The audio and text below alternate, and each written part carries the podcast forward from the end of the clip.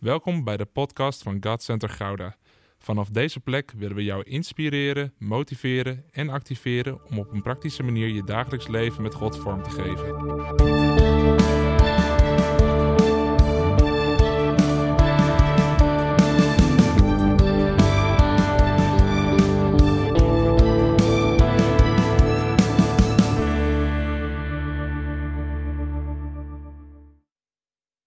Goedemorgen allemaal. Eh, was vanochtend was ik mijn jongste zoontje aan het aankleden. Hij is 2,5. En ehm, ik dacht, weet je, Peter is een paar dagen op wintersport eh, deze dagen. En eh, toen- toen dacht ik, nou, ik zal wel laten zien, weet je wel, ook als een man alleen is, ook als een vader alleen is, dan kan een kind er knap uitzien. En dan is het niet nog half in een pyjama dat ze aankomen. Nee, ik dacht, ik doe mijn overhemdje aan, net truitje eroverheen aan, weet je wel. Dus ik begin met die knoopjes. En wie herkent dat? Dat de knoopjes van een kinderoverhemdje veel te klein zijn voor je grote vingers. Ja? Nou, dat had ik dus ook. Dus, dus ik was wat aan het struggelen en aan het borstelen. Hij zat op de commode en, en, en hij zat zo te kijken naar me. En ik zie, eh, hij kijkt me aan. En hij denkt, nou, ik ga het zelf wel doen. Dus, eh, dus hij begint me ook te helpen. En, en, en het grappige was, in plaats van dat het daar beter van werd, werd het alleen maar moeilijker. Want nu waren het mijn vingers en zijn vingers er tussendoor zo aan het proberen om zo'n klein knoopje in zo'n klein gaatje te doen. En toen dacht ik, dit is precies wat God bedoelt met dit is niet jouw strijd. Want op het moment dat je zelf gaat helpen, als kleine jongen, als mens, denken we soms dat we God moeten gaan helpen, dan wordt het eigenlijk alleen maar lastiger. En dan maken we het eigenlijk alleen maar moeilijker, terwijl God is wel in controle. En ik ben de afgelopen dagen natuurlijk al met dit thema bezig geweest en ik vond het grappig dat ik de, ochtends vroeg al de eerste knipoog kreeg van God over dit is niet jouw strijd. En misschien denk je van dit is niet jouw strijd. Jeroen, we zaten toch in een serie church culture om de cultuur te bouwen. Eh, dat klopt, daar zitten we ook nog steeds in. Maar zie het even als eh, de rust tussen twee helften. Want, want ik, ik voelde eh, met Oudjaarsavond zo sterk dat het woord uit twee kronieken gebracht moest worden. We gaan er straks weer uitlezen, het verhaal van Jozefat. En het kwam vorige week weer terug. En ik voelde, ah, God is hier nog niet klaar mee. En ik ben ook echt helemaal gegrepen door dat verhaal van Jozefat. We kunnen daar zoveel van leren. En zoveel uit pakken om mee te nemen in ons leven. Dus ehm, het is even ja, een soort tussenstop. En daarna zullen we weer doorgaan met church culture. Maar eh, ja, we noemen deze miniserie tussendoor noemen we gewoon gaaf. Op het moment dat je nu voor het eerst bent, denk je, nou, tof. Ja, gaaf. Dan zou ik zeggen, kijk nog even terug vooral, eh, de afgelopen twee diensten. Dan snap je het, maar het zal vandaag ook nog een paar keer terugkomen. Wat het betekent om gaaf te leven met elkaar. Ehm, maar ik geloof dat God het echt op de agenda heeft gezet voor deze periode. Waarom? Omdat we hebben gezien dat, ehm, dat er een prachtige profetie is uitgesproken van Jan Paul over het verwijderen van de tentpinnen, het ver- vergroten van het tentdoek. En eh, daarin voelden we echt van oké, overwinning komt eraan. Overwinning voor de kerk van Christus in Nederland, maar ook specifiek voor Gods en te Gouden. Er komt overwinning aan en, en dan moeten we ons gaan voorbereiden. Dan moeten we ons gaan voorbereiden. En dan moeten we ons niet laten verrassen door iets wat altijd meekomt met overwinning. Want wat komt er altijd mee met overwinning? Strijd. En op het moment dat wij helemaal ontvangen van, oh Heer, u gaat overwinning geven, halleluja, en we, we dansen en we springen, u gaat overwinning geven, maar we bereiden ons niet voor op de strijd die erbij hoort, dan worden we opeens verrast. En dat is niet de, de beste manier om een strijd te beginnen als je verrast wordt.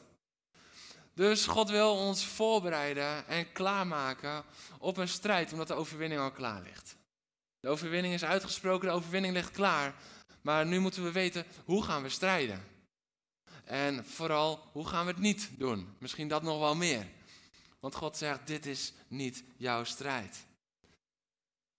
Sommige dingen, die overkomen je in één klap. Daar kan je niet helemaal voorbereiden als je niks door hebt. En opeens zegt de baas van, joh, wil je even op kantoor komen voor een gesprek? En hij staat daar achter zijn bureau en hij zegt, ga maar even zitten. Dan voel je het al aankomen, hè? Salarisverhoging, ja. Fantastisch, dat verwachten ze nooit. maar dat is niet wat ik bedoelde. Maar dan heb je niks zien aankomen. Je functioneert misschien goed en, en, en, in jouw functie ben je niet op de hoogte van of het goed gaat met het bedrijf. En misschien gaat het opeens niet goed met het bedrijf al een tijdje en jij moet eruit. Dat kan je niet altijd zien aankomen. Er zijn dingen die je niet ziet aankomen. Als je midden in een sportwedstrijd in één keer een volle schop krijgt en je ligt er voor een bepaalde tijd uit of je breekt iets, dat zie je niet aankomen. Dus er zijn dingen waar je op niet op kan voorbereiden. Maar er zijn ook dingen waar je wel op kan voorbereiden. Um, bijvoorbeeld de regen. Want als je goed naar buiten kijkt, dan zie je vaak wel van oké, eh, je ziet sowieso of het regent of niet. Dat is stap 1. Maar ook van, zit er nou regen aan te komen? Of is dat eigenlijk, nou, het, het, is nog wel licht. Zit er een donkere lucht aan te komen? Voel je, als je buiten staat, voel je ook dat de wind al wat begint toe te nemen? Of niet? Sommigen zitten nu zo aan te kijken, daar heeft toch buienradar voor? Ja, dat is zo. Maar kom op, we kunnen ook gewoon naar buiten gaan en kijken. Maar anders heb je ook de buienradar app. Dan kan je ook zien aankomen of het gaat regenen of niet. Dus dat zijn dingen waar je op kan voorbereiden. Soms voel je thuis ook dat, dat je merkt van oeh, het wordt wel steeds iets meer gespannener. Uh, iemand wordt eerder uh, geïrriteerd en, en uh, oh, de spanning staat een beetje op klap. Dan kan je aanvoelen komen dat als je niks doet, dat er op een gegeven moment boem gebeurt bij iemand. En dat het dan boem is in het hele gezin. Dus er zijn dingen die je wel ziet aankomen en niet ziet aankomen. Maar één ding is heel erg belangrijk. Op het moment dat God overwinning al uitspreekt, dan kunnen we nooit zeggen dat we de strijd niet hebben zien aankomen. Dan kunnen we nooit zeggen van ja, maar dat had ik geen idee van. Want waar overwinning wordt aangekondigd, er zal altijd een strijd plaatsvinden. En nu denk je misschien van, nou Jeroen, uh, happy new year. ik dacht dat we het leuk zouden hebben. Ja, het wordt ook heel erg leuk. Maar het is belangrijk dat we de strijd gaan herkennen. Dat we gaan ontdekken van, oh, dat komt er dus aan om er ook op een juiste manier mee om te gaan. Want als we door een strijd verrast worden, dan gaan we zelf vaak gelijk in de tegenaanval. Maar dat is nou juist precies niet wat God wil. Hij kondigt het aan en hij wil ons erover leren. Waarom? Om ons ervan bewust te maken en om ons daarvoor al te laten zien hoe we de strijd aan moeten gaan. En vooral niet aan moeten gaan. En ik voelde dat God zegt tegen de kerk in Nederland en tegen God Center Gouda. Er is een strijd in aantocht omdat de overwinning klaar ligt. Mijn volk, mijn kerk, bereid je voor zoals Jozef had. Bereid je voor zoals Jozef had. En daarom gaan we weer terug naar zijn leven, naar zijn verhaal. En hoe deed hij dat? Bidden, vasten, vertrouwen en aanbidden. Bidden, vasten, vertrouwen en aanbidden. Dat waren de stappen die Jozef had zetten.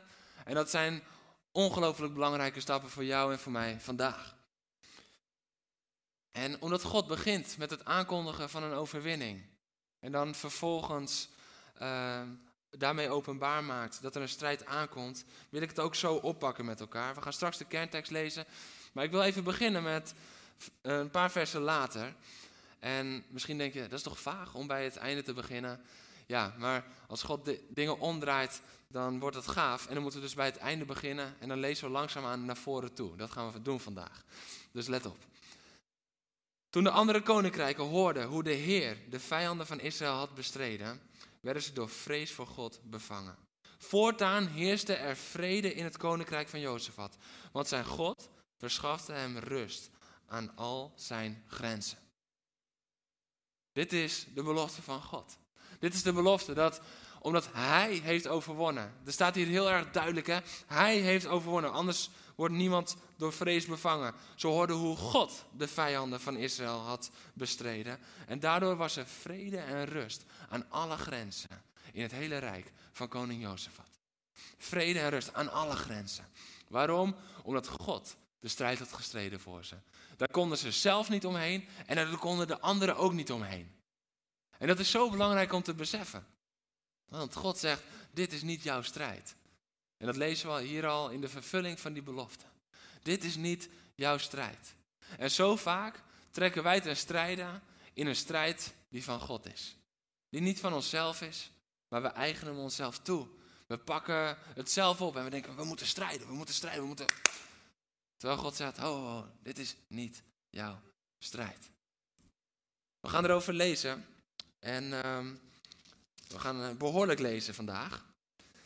We gaan lezen 2 Kronieken 20, vers 3 tot en met 19. Dus uh, je mag opstaan voor het woord van God. Als je hier voor het eerst bent, dat doen we uit eerbied voor Gods woord. En je staat voorlopig nog wel even. Want het is een lang stuk. Halleluja. Vorige keer hebben we al um, erover gehad, maar de Ammonieten en de Meunieten en de Moabieten die trekken te strijden tegen Jozefat en zijn volk. En dan vallen we in in vers 3. Jozefat schrok hevig en hij besloot de Heer om raad te vragen. Hij kondigde in heel Juda een vaste dag af. En uit werkelijk alle steden van Juda kwamen mensen bijeen om de Heer om raad te vragen. Toen de gemeenschap van Juda en Jeruzalem zich voor het nieuwe voorhof van de tempel had opgesteld, trad Jozef naar voren en hij zei: Heer, God van onze voorouders, u bent de God in de hemel en u heerst over de koninkrijken van alle volken.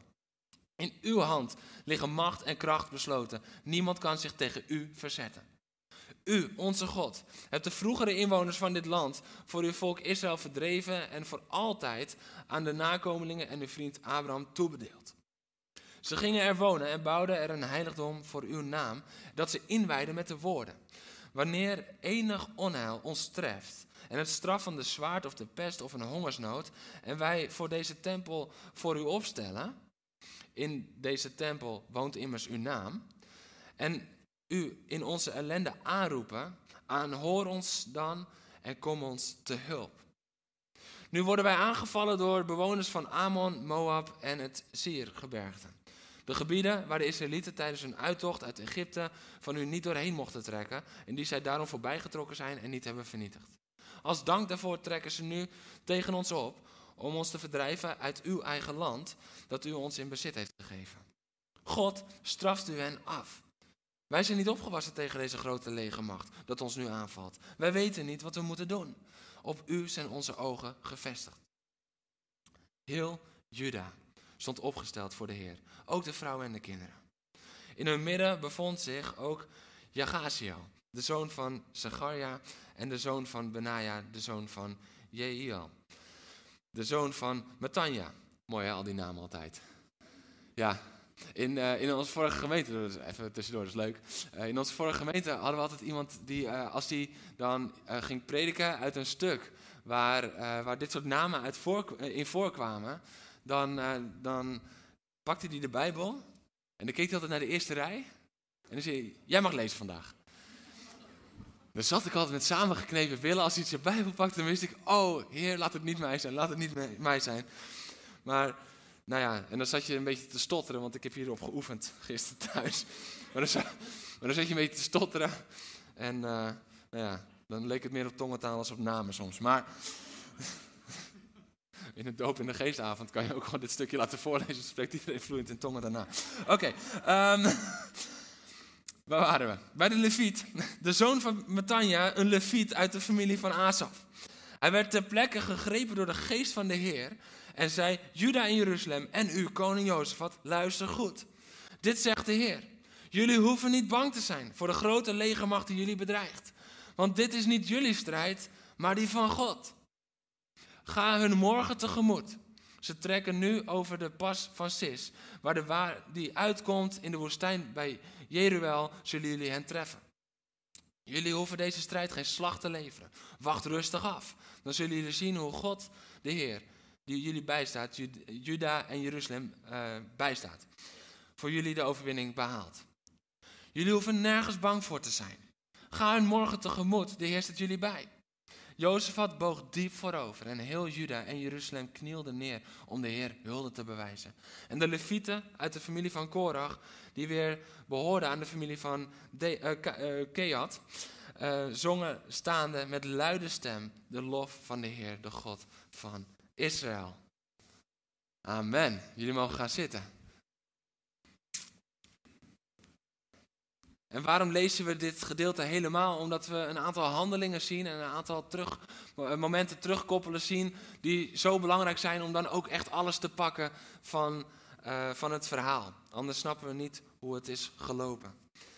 Het eerste wat ik eruit wil pikken is dat dit verhaal laat zien dat het was Gods strijd en het is Gods strijd. Het was Gods strijd en het is Gods strijd. En, en, en soms, soms kunnen we denken van ja, dat was Gods strijd, maar nu, nu moet ik. En soms als er dan tegenstand komt, of er is een storm in ons leven, of er is twijfel in ons leven, ah, het is moeilijk, dan beginnen we zelf, oké, ik moet strijden. Terwijl God zegt, nee, nee, nee, nee, wacht rustig af. Dit is mijn strijd. Dit is niet jouw strijd. En, en hoe zien we dat dan gebeuren in Jozefat? Want hij begreep dat. Hij begreep dat het toen Gods strijd was. Dat wat God heeft gedaan voor het volk Israël, dat wat God heeft gedaan in jouw leven, dat is Gods strijd geweest. En hij weet dat, Jozefat, want hij bidt. Moet je opletten. Heer, God van uw voorouders, u bent God in de hemel. U heerst over de koninkrijken van alle volken. In uw handen liggen macht en kracht besloten. Niemand kan zich tegen u verzetten. U, onze God, hebt de vroegere inwoners van dit land voor uw volk Israël verdreven. Weet je wat hier opvalt? U, u, u, u, u, u, u. Zeven keer u.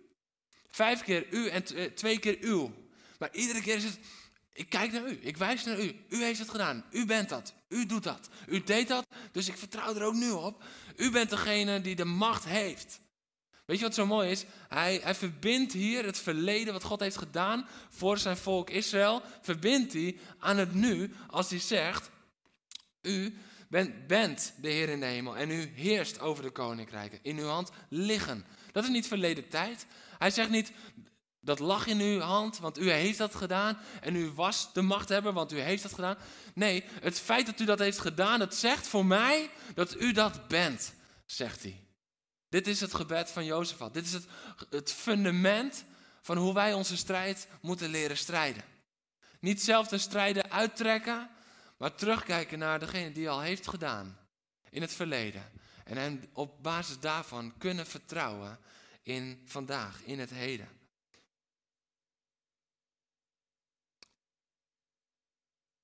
Dan gaat Jozefat verder. Jozefat gaat verder in zijn gebed en dan haalt hij aan wat er is gebeurd bij de inwijding van het heiligdom, van de tempel. En daar zegt hij als het ware, en als we dan voor u komen op deze plek waar u woont, hoor dan naar ons en kom ons te hulp.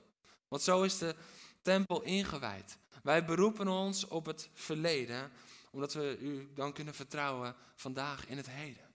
Dat is wat er daar gebeurt. Dus we zien dat hij, hij somt op. Op basis daarvan weet hij nog steeds, u bent de machthebber nu, vandaag. En dat eigen ik me toe. U bent de machthebber. Ik vertrouw op u. En, en dan herinnert hij God aan, kijk, en als het dan moeilijk was, als het moeilijk zou worden, dan mochten we op deze plek komen om u aan te roepen. En dan zou u luisteren, dan zou u komen, dan zou u doen. En dat is wat er dan gebeurt, want ze zitten nu in het nauw. Er is tegenstand, er is een strijd in aantocht. Ze weten ook dat ze dat niet kunnen handelen. Wij zijn niet opgewassen tegen deze grote legermacht die ons nu aanvalt. Ondertussen begint mijn Siri mee te prediken. Geen idee hoe ik Siri hier op weg. Ja, hij is weg. En dan komt een heel belangrijk stuk. En dat is vers 12. Wij zijn niet opgewassen tegen deze grote legermacht die ons nu aanvalt. We weten niet wat wij moeten doen.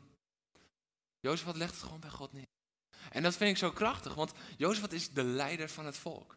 En wat bidt hij terwijl daar heel Juda staat, terwijl daar iedereen is uitgelopen om met elkaar te bidden, te vasten, om met elkaar daar samen te komen om God om raad te vragen, dan durft hij dus ook gewoon als leider van het volk te zeggen, we weten niet meer wat we moeten doen.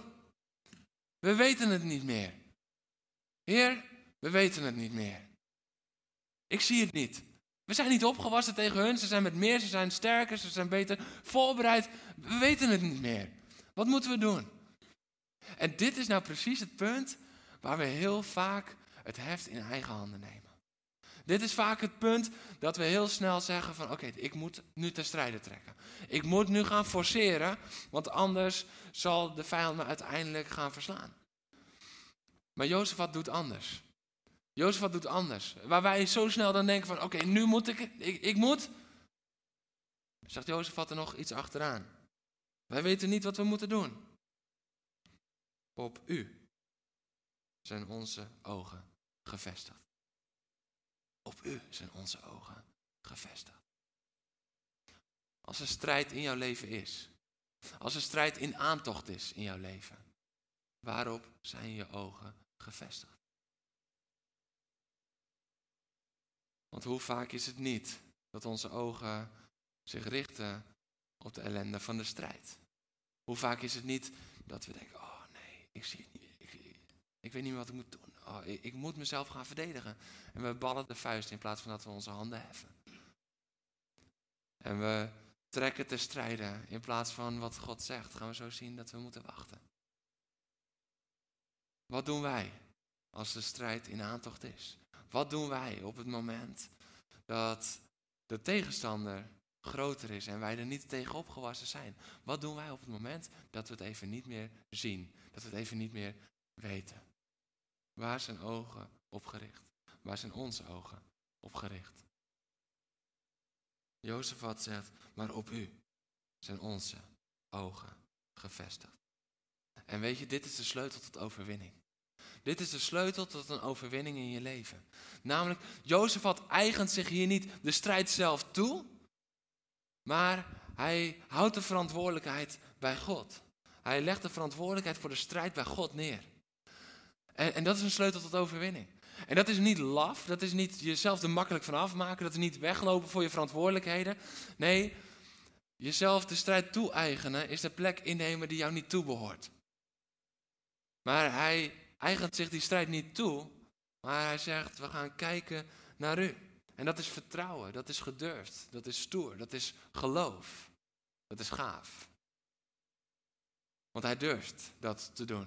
Ten overstaan van het hele volk en God. Heer, op u zijn onze ogen gevestigd, want ik zie het niet. En ik besef me dat nu heel veel mensen naar mij kijken en denken: Nou, Jozefat, we hebben gebeden, we hebben gevast, kom maar met de oplossing, maar ik zie het niet, Heer. Ik richt mijn ogen op u. Op u zijn onze ogen gevestigd.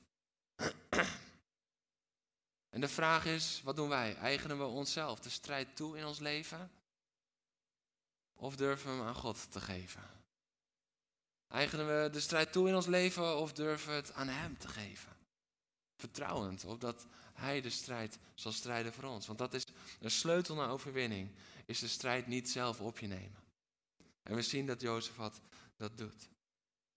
Ik wil een klein zijstapje nog maken voordat we gaan kijken hoe hij dan uiteindelijk moest strijden of juist niet moest strijden. Maar er is, er is hier een gedeelte in het verhaal waar we vaak even vluchtig overheen lezen. Dat zien we dan vaak een beetje als tussenstukje rondom de kern waar het om gaat. Maar het is heel essentieel.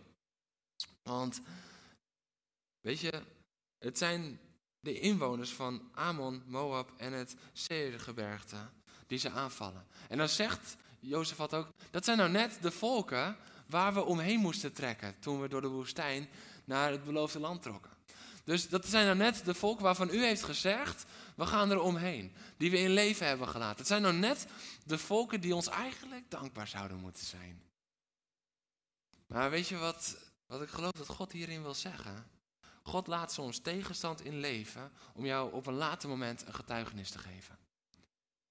God laat soms tegenstand in jouw leven in leven, zodat jij op een later moment een getuigenis kan geven.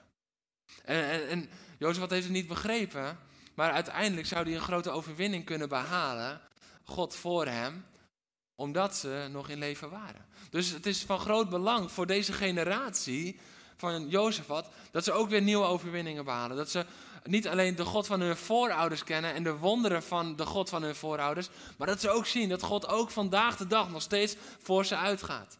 En dan op basis van wat God allemaal heeft gedaan in het verleden, mogen ze nu leren vertrouwen. Maar God is nog steeds dezelfde.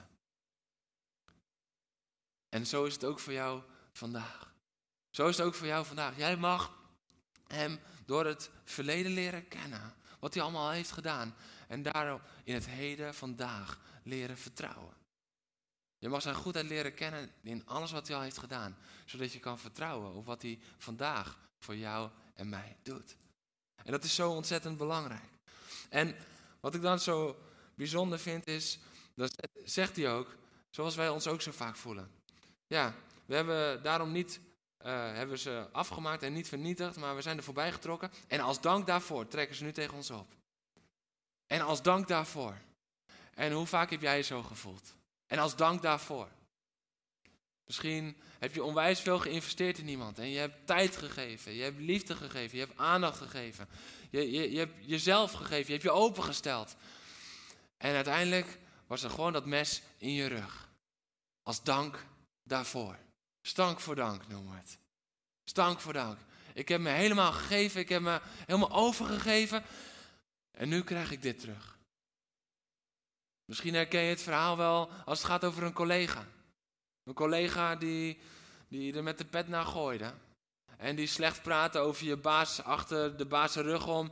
En je hebt hem iedere keer heb je hem gedekt. En misschien heb je af en toe zelfs de schuld van diegene op je genomen.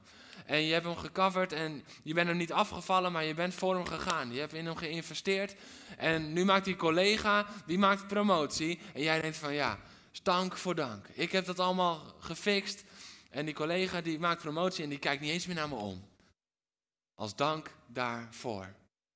Heer, ik heb toch. En nu als dank daarvoor. Maar ik kwam erachter dat dit het punt is waar we vaak de strijd zelf oppakken.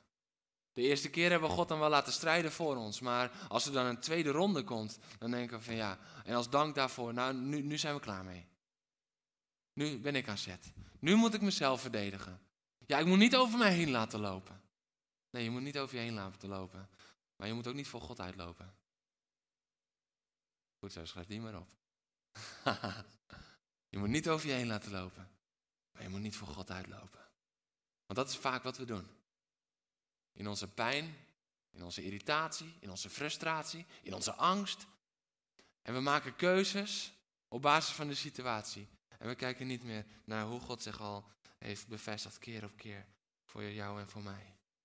Vaak de eerste keer laten we God strijden, maar de tweede keer nemen we zelf het heft in handen. Maar Jozefat is anders. Want in de volgende woorden van Jozefat zien we al de kern van de houding die wij nodig hebben. Wat ik zo mooi vind is, Jozefat zegt dan, God straft u hen af. God straft u hen af. Dus hij neemt hier niet het heft in handen, maar hij legt echt de verantwoording bij God neer. En God komt dan ook met een krachtig antwoord. Want juist op het moment dat je je verraden voelt, juist op het moment dat je het idee hebt, ik moet opnieuw die strijd aangaan. Misschien zit je hier en denk je, oh man, er komt weer strijd mijn kant ik moet het opnieuw aangaan. Ik zie het gewoon even niet meer zitten, ik heb er de kracht niet voor. Juist als je paniek hebt en denkt, oh ik zie het gewoon niet meer. Dan mag je weten dat God tegen jou zegt, wees niet bang. Dit is niet jouw strijd. Dit is mijn strijd. Want dat is het antwoord dat Jozef had en het volk krijgen. Dit is niet jouw strijd. Dit is mijn strijd. En hoe bereid je je dan voor op die strijd? Want er moet nog wel iets gebeuren. Dat vind ik zo prachtig. Dan, dan zegt het woord dat God zegt, ga. En een vers later staat er, wacht. Dat is verwarrend, hè? Ga, wacht. Dat is vaag. Ga, wacht. Ga hun morgen tegemoet. Jullie hoeven deze strijd geen slag te leveren. Wacht rustig af. Ga hun morgen tegemoet. Dit klinkt een beetje als uh, een ouder soms tegen een kind. Ken je dat? Dat je drie opdrachten tegelijk geeft en dat je kind op een gegeven moment zo staat aan te staren van... Papa, wat moet ik nou doen eigenlijk precies? Jongens, we gaan. Nee, wacht even. We... Nee, kom op, we zouden gaan.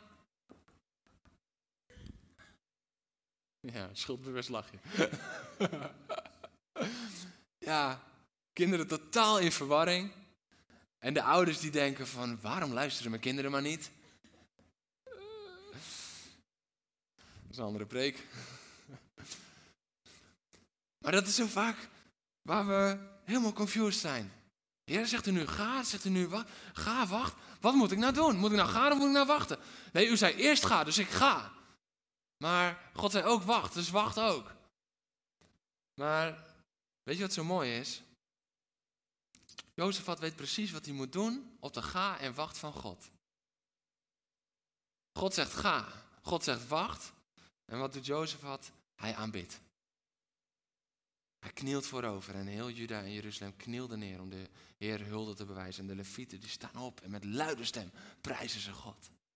Dit is ga plus wacht, is aanbidding. Dit is Gods wiskunde. Ik weet niet of je goed was in wiskunde. Misschien niet, maar dit is de makkelijkste som die je ooit hebt gemaakt. Ga plus wacht is aanbidding. Altijd. Welk moment in je leven, als God zegt ga plus wacht, is het altijd wat jij moet doen, aanbidden. Dat is Gods wiskunde. Ga plus wacht is aanbidding. Dus Jozefat weet precies wat hij moet doen. Jozefat weet precies wat hij moet doen en ze gaan aanbidden. En dan zien we later ook dat, ze, dat de aanbidders voor uh, de strijders uitgaan. Dus ga plus wacht is aanbidding. Dat is de enige juiste houding als er strijd aankomt. We moeten niet zelf die strijd in handen nemen. Nee, we moeten onze handen opheffen. We moeten niet zelf te strijden trekken op eigen kracht. Nee, we moeten onze rust en vrede vinden in zijn kracht. Want als we zelf die strijd aangaan, dan kunnen we dat niet redden. Want dat zegt Jozefat gewoon eerlijk. Ja, zij zijn ons te machtig. We zijn niet tegen ze opgewassen.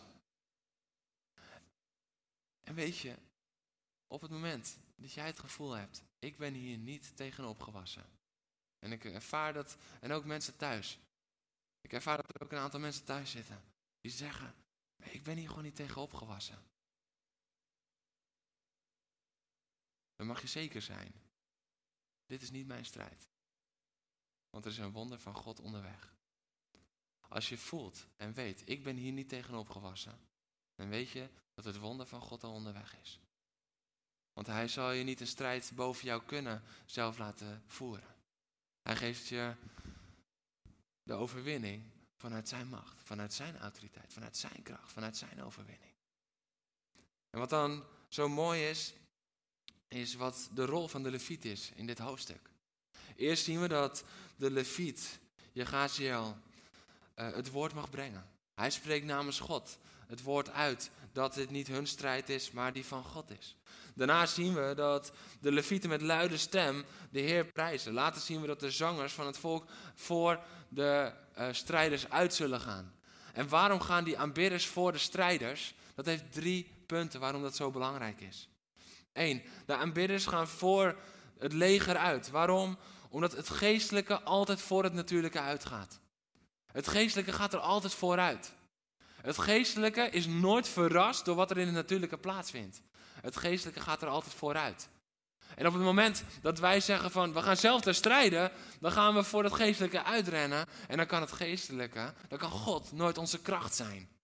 Dus het is belangrijk dat eerst de aanbidders gaan en dan de strijders. Het tweede punt waarom eerst de aanbidders moesten en dan de strijders, is omdat aanbidding de overwinning behaalt die menselijk gezien niet mogelijk is. Menselijk gezien konden ze niet tegen deze drie volken op. Menselijk gezien waren ze kansloos. En in aanbidding, in de juiste houding van aanbidding, zullen we zien dat ze wel zullen overwinnen. En dan is het, we zijn niet opgewassen tegen, maar Heer, u bent de God die heerst. De God van de hemel. En die heerst over alle koninkrijken hier op aarde. Dat is aanbidding. En het derde punt waarom eerst de aanbidders en dan de strijders moeten gaan, is omdat als God niet voor. God kan niet voor je uitgaan en je kracht zijn als je eigen kracht voorop gaat. En dit is zo'n belangrijke. Want als wij zelf de strijd vastpakken, dan zijn onze handen niet vrij om Hem te aanbidden. Als we zelf die strijd vastpakken, als we zelf onze wapens vastpakken, misschien een schild, misschien een zwaard, misschien in deze tijd wat, wat, andere wapens. Maar als we zelf die strijd aangaan en we pakken die strijd vast, zijn onze handen gebonden en kunnen we onze handen niet meer opheffen in aanbidding. En waar we onze handen niet kunnen opheffen in aanbidding, daar gaat het strijdplan van God gaat ten gronde. Want het strijdplan van God is nogal vaag. Want dan staat er namelijk. In overleg met het volk wees hij zangers aan om het lof van de Heer toe te zingen. Ze trokken voor de bewapende legermacht uit. De heilige glorie prijzend met de woorden: Loof de Heer, eeuwig duurt zijn trouw. En dan staat er dat zinnetje erachter. Zodra zij jubelend hun lofzang aanhieven, zorgde de Heer ervoor. Zodra zij begonnen te aanbidden, zorgde de Heer ervoor. Het is een heel vaag strijdplan om de mensen met trompetten voor de mensen met geweren uit te laten gaan. Daar zijn we het over eens. Menselijk gezien is dat vaag. Maar dat was het enige strijdplan dat God wilde gebruiken. Waarom? Zodat hij voor ze uit kon gaan. Zodat ze niet in eigen kracht zouden gaan vechten en verlies zouden leiden. Maar hij in zijn kracht de overwinning kon voorbereiden voor ze. Zodra ze jubelend hun lofzang aanhieven. Dit is een opdracht voor de kerk vandaag. Dit is een opdracht voor jou in jouw leven vandaag. We moeten onze lofzang aanheffen. We moeten jubelen voor de Heer. Waarom? Niet omdat de strijd al is gestreden, maar omdat we de strijd tegemoet gaan, wachtend.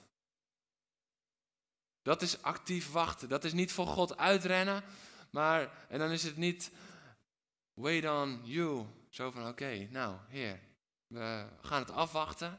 Nee, dat is in aanbidding Hem groot maken. Hem bejubelen, Hem bejuichen, Hem groot maken, Hem aanbidden. En op die manier wachten.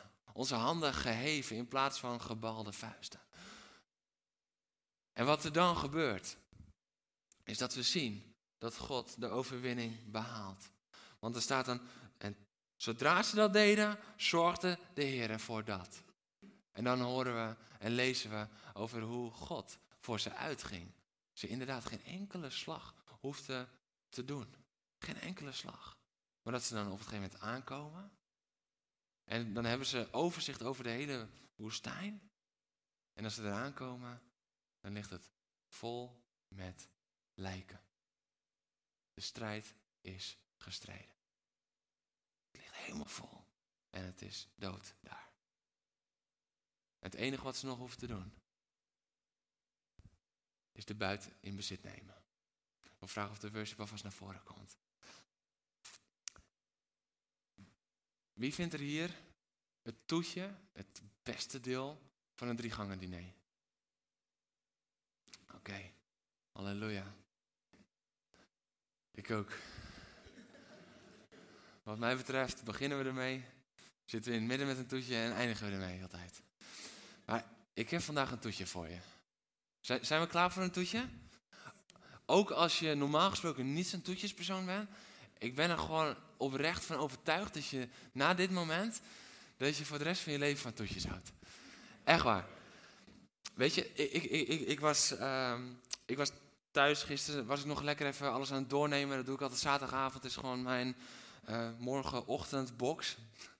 En, uh, en, en, ik zat, en ik zat beneden, de kinderen lagen al op bed. En uh, de buren waarschijnlijk ook. en toen, toen las ik dit. En toen kreeg ik zo'n openbaring van God. En toen ging ik heel door het plafond. Echt waar. Het was een wonder dat de kinderen nog sliepen. Ik weet niet of de buren nog sliepen daarna. Maar ik, ik, ik las dit. En ik, ah, ik, ik, zat, ja, ik, zat, ik zat dus zo. En, en God opende mijn ogen. En ik kreeg die openbaring van wat ik zo direct met jullie ga delen. En ik zei, ah! Ja, en de buren die hebben toen 1 en 2 gebeld. maar dit is zo mooi. Let op, dit is, het is het gaafste hoofdstuk uit de Bijbel dit. Met een V. De Heer zorgde ervoor dat. En dan staat er iets. Jozefat en zijn leger gingen erop af om de buit binnen te halen. Ze troffen een grote kudde vee aan. De goederen, de kleding, de kostbare voorwerpen. Ieder verzamelde meer dan hij kon dragen. Het kostte wel drie dagen om alles te vergaren. Zo groot was de buit. Het kostte wel drie dagen om de buit te vergaren. Jullie zitten me echt al aan te kijken van, nou, dat lijkt me gewoon echt uh, pokken veel werk. Wat is hier nou mooi aan? Ja, let op, let op, let op. Het kostte drie dagen om de buiten te vergaren. En in één keer liet God me zien. Wie was er nog meer drie dagen in een dodenrijk? Ah! Wie was er nog meer drie dagen in een dodenrijk? Jezus. En weet je, zij liepen daar drie dagen lang in een dodenrijk. De grond lag bezaaid met lijken, staat er. Maar Jezus was ook drie dagen in het dodenrijk. En toen kwam de openbaring van God. Want jullie dachten, dit was het, maar dat, was het nog niet. God zei, Jeroen, er wordt altijd maar gepredikt. Dat Jezus was daar drie dagen. En in die drie, dagen was hij bezig om de duivel te onttronen, te ontwapenen en te verslaan. Daar had hij geen drie dagen voor nodig. Helemaal niet. Maar de buit die hij had op te halen in het dodenrijk. Nog steeds voor jou en voor mij. Vandaag de dag. En alle mensen in de geschiedenis van deze wereld. Die buit, die was zo groot dat hij drie dagen nodig had in het dodenrijk om de buit mee terug te nemen en in overwinning op te staan.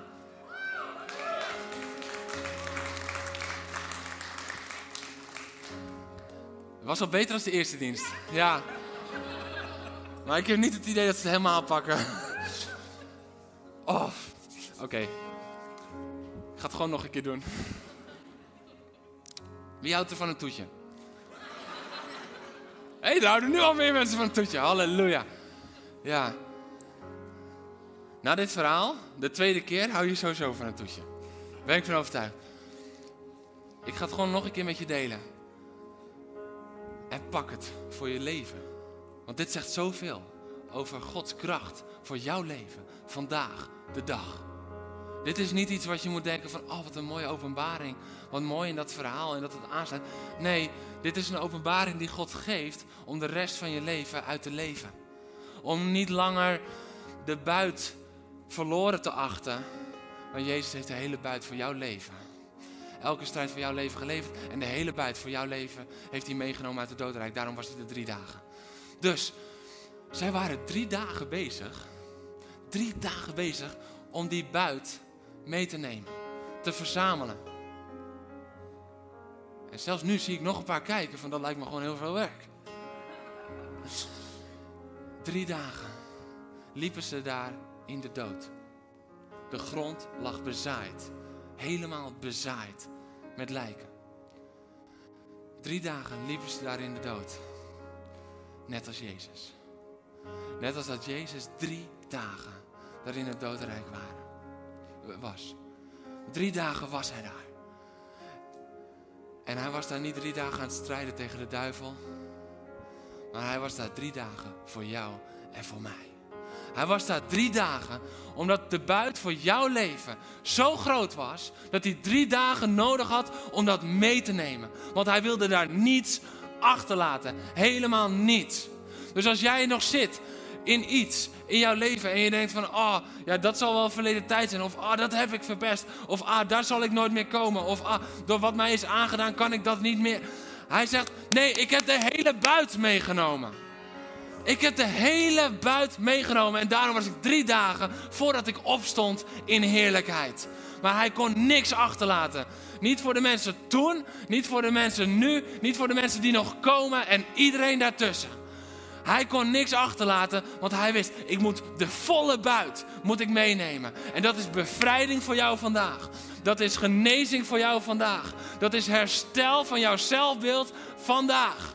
Weet je, Jezus was daar omdat hij niet alleen je genezing pakte, niet alleen je redding pakte, maar hij pakte er ook het herstel van je zelfbeeld. Zodat je niet meer te klein denkt over jezelf. En dat je denkt van, ik kan deze strijd niet strijden. Nee, en dan schiet je niet tekort. De strijd is in de juiste handen. Want wij hoeven alleen onze handen te heffen. Want wanneer wij onze handen heffen, dan kunnen we het overgeven. Als wij het zelf vastpakken, kunnen we het niet aan God geven. Maar we moeten onze handen leren heffen. En dan zegt hij, de buit is binnen. Aan het kruis riep hij, het is volbracht. Vandaag zegt hij tegen jou, de buit is binnen. De overwinning is behaald. De overwinning is behaald. En weet je waarom ik zo zie van, hij was niet drie dagen aan het strijden met de duivel. Ze waren drie dagen bezig met dat, met dat verzamelen. Maar toen ze aankwamen, was alles al dood. Toen ze aankwamen, was de vijand al overwonnen. Toen ze aankwamen, was de strijd al gestreden. Wanneer jij aankomt op jouw battlefield, op jouw strijdtoneel, dan heb je hem groot gemaakt waarop hij in beweging kwam. En dan kan je hem alleen nog maar danken voor wat hij heeft gedaan. Want jij hoeft deze strijd niet te strijden. Dit is niet jouw strijd, dit is mijn strijd, zegt God. En de buit is binnen. En weet je wat ik dan zo krachtig vind? Dan mag Jozefat met zijn mensen mag de buit binnenhalen en zich toe-eigenen. De overwinning van Jezus over de dood. De buit die hij daar heeft binnengehaald, die mogen we pakken voor ons eigen leven. Dat is niet iets wat hij dan meeneemt naar de hemel en zegt van, nou ja, als je dan eenmaal in de hemel bent, dan krijg je nog wat daarvan. Nee, hij zegt, dat is voor nu, voor jou vandaag, om nu vandaag uit te leven. Dit is het evangelie. Dit is Jezus die aan het kruis ging, de dood inging en met de buit opstond uit de dood. Halleluja. Dit is niet jouw strijd. Het is niet jouw strijd. Het is mijn strijd, zegt God. En die strijd, die is al gestreden. Die strijd, die is al gestreden. Halleluja. En we gaan het gewoon in de praktijk brengen. We gaan in de praktijk brengen hoe het is om in aanbidding de strijd te strijden. En voordat we dat gaan zingen, heb ik nog één ding. Alles gaat on, ondersteboven en achterstevoren hè, deze weken. Is het je al opgevallen? We begonnen net bij het laatste vers. Laten we nu bij het eerste vers wat we laatste nog een keertje terugkomen. Jozef had schrok hevig en hij besloot de Heer om raad te vragen. En hij kondigde in heel Juda een vaste dag af. 2 maart start de 40 dagen tijd. Richting Pasen, richting Goede Vrijdag. En ik wil nu alvast een vaste tijd afkondigen. Er is een grote overwinning, is er al geproclameerd door God, is er al voorzegd door God. Dus we moeten ons klaarmaken voor de strijd die daarmee gepaard gaat. Klaarmaken door vasten, zoals Jozef deed. Door aanbidden, door bidden, zoals Jozef deed. Allemaal. Weet je dat dat trouwens ook gaaf is? Gebed, allemaal aanbidden, vasten. Ja, wordt steeds gaver. Gebed, allemaal aanbidden, vasten. Dus ik wil je alvast oproepen. Zet die 40 dagen vrij. Vrij voor je persoonlijke leven. Ik geloof dat er heel veel genezing en bevrijding gaat plaatsvinden in die 40 dagen. Maar ook vrij voor de gemeente. En dan zeg ik, dan kijk even verder dan God Center Gouda. Dan kijk ook nog wat verder als de God Centers. Maar de gemeente. De gemeente van Jezus Christus.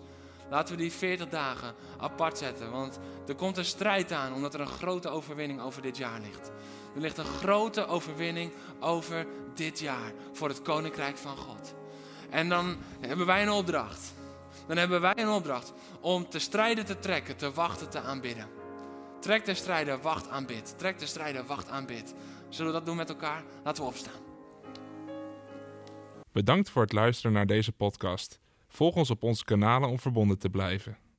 Heeft deze aflevering jou geraakt? Deel dan op je socials en tag ons, zodat we samen meer mensen kunnen bereiken.